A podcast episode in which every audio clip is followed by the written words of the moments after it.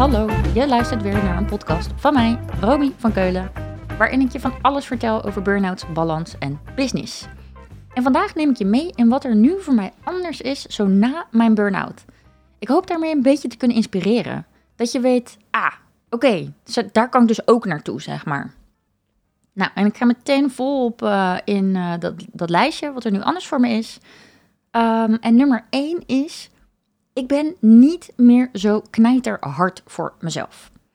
Ik dacht altijd, Room, gewoon doorzetten, niet aanstellen. Ik had namelijk een beetje de overtuiging, stiekem, dat ik lui was. Vanaf mijn studententijd zag ik al mensen met super ingewikkelde schema's, hele dagen leren voor tentamens. En ik probeerde dan ook zo'n schema te maken. En dan probeerde ik me daar ook aan te houden, want ik dacht, oké, that's the way to go. Op die manier uh, werkt het blijkbaar. Maar man, ik had echt nooit zin om me daar aan te houden. Ik, ik ontwikkelde daardoor wel de overtuiging dat iedereen discipline had, behalve ik. Ik was lui. En tijdens mijn eerste jaren werken maakte ik weer zulke onmogelijke schema's. Bij wijze van spreken wist ik in januari al hoe uh, een willekeurige maandag in uh, augustus eruit zou zien. Maar ja, ik was nu jong professional, dus ik moest me er wel aan houden. En dat kostte me super super veel energie. Me überhaupt gewoon houden aan zo'n ingewikkelde planning. En door coaching leerde ik iets heel belangrijks. Ik was nooit lui. Ik heb alleen een voorkeur voor een ongedwongen manier van werken. Ik ga het allerhardst als ik de ruimte heb om te doen wat ik wil, wanneer ik dat wil. En als ik mezelf dan juist een rigide schema opleg, dan krijg ik daar al zoveel stress van dat ik amper functioneer. Die vrijheid is zelfs voor mij zo belangrijk dat ik mijn eigen bedrijf ook startte. En zo zijn het met een heleboel dingen. Overtuigingen die ik over mezelf had, negatieve overtuigingen, die heb ik ondertussen weten om te draaien naar iets van: oh nee, dat zit niet zo, maar dat zit gewoon zo.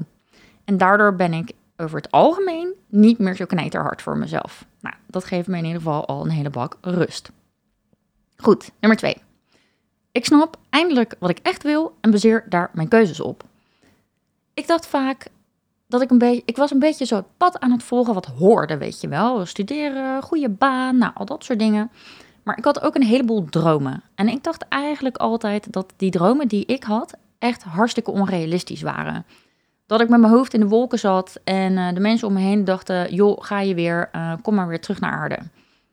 En ik dacht dus echt, nou, die dromen zijn dus blijkbaar onrealistisch. En misschien is dat alleen weggelegd voor de lucky few of zo. Dus ik moffelde mijn dromen onder het tapijt en dacht, nou, dan doe ik wel net zo gewoon als de rest, wat een soort van verwacht wordt misschien. En ik stond echt totaal niet meer bij stil wat ik eigenlijk echt wilde. En daardoor liet ik mezelf uh, meesleuren een beetje met de stroming of uh, de definitie van succes van anderen. En nu sta ik heel vaak stil bij wat ik wil en vooral ook hoe ik het wil. Ik heb echt mijn eigen definitie van succes geformuleerd en daar baseer ik mijn keuzes op. En daardoor kan ik ook veel beter mijn eigen koers varen. En daardoor ben ik ook veel zelfverzekerder over de dingen die ik aan het doen ben. En ook daardoor lijken die dromen die ik had opeens wel gewoon realistisch. En dat geeft me echt superveel energie. Ik heb oprecht nog nooit zo hard gewerkt als nu. Maar dan doe ik het in veel minder uur met veel meer output, met veel meer energie aan het einde van iedere dag. Dus dat, uh, ja, ik snap dus wat ik wil en ik baseer daar mijn keuzes op. Klinkt heel makkelijk, is echt wel een reis hoor, om dat uit te vogelen. Dus het is niet zo, uh, joh, uh, zoek even uit wat je wil en doe dan lekker alles wat daarmee te maken heeft. Nee, daar heb ik wel echt veel tijd voor nodig gehad. Maar zo zit het nu wel. Nou, drie. In plaats van me een beetje te schamen altijd voor mijn onzekerheden, gebruik ik ze nu als brandstof. Man, man, wat was ik vaak onzeker. Ik denk zonder dat je dat misschien aan me merkte, omdat ik altijd gewoon best wel uh, vrolijk en uh, een beetje stoer over dingen kon doen soms. Een beetje grote bek soms. Uh, maar ik was wel echt onzeker. Over mijn lichaam, over mijn kennis, over mijn potentieel om dus dat succesvol te worden. Wat dus helemaal niet mijn definitie van succes was, maar oké. En over die luiheid dus, die ik besprak. Of ik wel grappig genoeg was, echt, you name it. Zo zat ik dus wel eens tijdens etentjes met mijn beste vrienden. Zeker op de momenten dat ik best wel gestrest was uh, constant een beetje mijn eigen gedrag te monitoren en te veroordelen. Joh, nu praat je te hard, Room. Joh, misschien een beetje te lomp, Room. Joh, hou even 10 minuten je mond, Room. En door die eerste twee dingen die ik net uitlegde, zijn mijn onzeker onzekerheden best wel veranderd. En dat betekent niet dat ze weg zijn. Ik heb ze nog steeds, maar ik heb er geen last meer van. En ik durf veel meer te vertrouwen op mijn intuïtie. En als een onzekerheid de kop opspeelt, dan heb ik zoveel tools en technieken geleerd om ermee te dealen eigenlijk. Om ze de ruimte te geven, om te draaien, focussen op wat wel goed is. En als het nodig is, dan vraag ik om feedback in de vorm van coaching. Terwijl ik hiervoor dan ja, helemaal zelf kon blijven zitten met zo'n onzekerheid. En dan zou, weet je wel, ging doorbeuken om het maar op te lossen zelf. Ehm, dus dat. En dat focussen op wat wel goed is, dat is ook wel echt een, een thema in mijn leven. En dat is dankbaarheid. Dat is nummer vier. En dit vind ik echt zo'n ja, simpele mindset truc eigenlijk. Door me te focussen waar ik dankbaar voor ben, voel ik me best wel snel anders. Uh, ik vond dit tijdens mijn burn-out trouwens wel super lastig. Want waar was ik dankbaar voor? Uh, ik had nou ja, in het begin echt helemaal niks eigenlijk. Um, en ik besefte me al snel dat ik ook voor, die burn-out niet echt vaak stilstond bij waar ik dankbaar voor was. Ik was altijd een beetje aan het zoeken naar de next thing, zeg maar. Kwam ik net terug van vakantie, dan zat ik alweer te googlen naar de volgende trip waar ik naartoe kon gaan, zeg maar. Had ik promotie gehad, dan dacht ik alweer, oké, wat kan ik dan nu doen om naar het volgende level te gaan? En ik nam niet echt ruimte om dankbaar te zijn voor wat er allemaal gewoon op dat moment was. In plaats daarvan keek ik steeds, uh, nou niet continu natuurlijk, maar keek ik gewoon af en toe, best vaak misschien, wel naar alles wat er niet was. En die valkuil die heb ik nu nog steeds wel eens hoor, maar daar ben ik me nu in ieder geval van bewust van. En dan focus ik mezelf juist op wat ik wel heb, waar ik nu dankbaar voor ben. En om de een of andere reden helpt het mij om heel erg goed ja, in het moment te leven. Um, maar goed, even terug naar hoe dit ging tijdens mijn burn-out periode. Ik had dus dat dankbaarheidsdagboekje op mijn nachtkastje liggen. En in het begin dacht ik, ik moet dit doen, maar ik wil dit niet, want ik kan niks bedenken. Wat moet ik nou opschrijven? Maar aan de andere kant dacht ik ook, joh, Room, drie woorden opschrijven, dat is in ieder geval iets wat je nog wel zou moeten kunnen. Dus doe het gewoon. En hoe vaker ik dat eigenlijk deed, hoe makkelijker het me afging. En uh, echt cheater dat ik ben. Ik begon vals te spelen, want ik schreef vaak meer dan drie dingen op. Um, want er kwam steeds meer bij waar, waarvan ik me realiseerde: yo, daar ben ik echt wel heel erg dankbaar voor. Van hoe blij ik ben met de support van mijn familie en de fantastische vrienden die ik om me heen heb. En met Jason en, en ons uh, plekje wat we huis, ons huis noemen. En uh, ja, nu ook zeker de keuzes die ik maak en het zelfvertrouwen wat daarbij hoort. En dat zijn misschien niet dingen die voor iedereen zelf, vanzelfsprekend zijn. Maar er zijn, denk ik, in ieder geval een aantal dagen in de week altijd wel drie dingen waarvan je kan uh, zeggen: Oké, hier ben ik vandaag wel echt dankbaar voor geweest. En ik merk ook met de deelnemers in mijn programma dat het echt zo'n effectieve methode is om je mindset uh, om te gooien op een moment ook dat je dat nodig hebt. Gewoon lekker blijven oefenen. Ja, ik, vind het echt fantastisch. Dus ik sta er uh, vaak bij stil op een dag. Terwijl ik dat daarvoor eigenlijk helemaal niet zo bewust deed.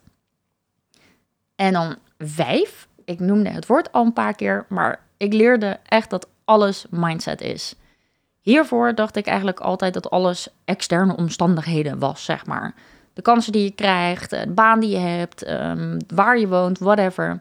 Maar nu weet ik echt, alles is mindset. Iemand met een paar euro kan oprecht gelukkiger zijn dan iemand met een miljoen euro. En ik denk, hè, tuurlijk hebben we eh, een minimum aan financiën wat je nodig hebt om inderdaad weinig stress te hebben, om goed rond te komen en om de, ja, jezelf te voorzien in de basisbehoeften. Dat snap ik ook. Maar het ligt er ook aan hoe je de wereld ziet.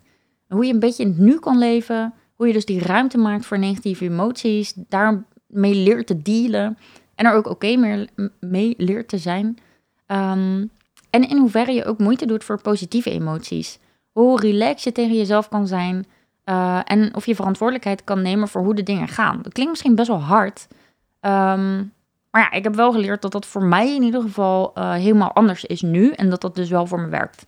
Dus als ik nu een tegenslag in mijn bedrijf bijvoorbeeld heb. Ja, tuurlijk baal ik daarvan en dat mag ook. Maar daarna denk ik wel, oké, dat was een les en nu mag ik iets anders proberen.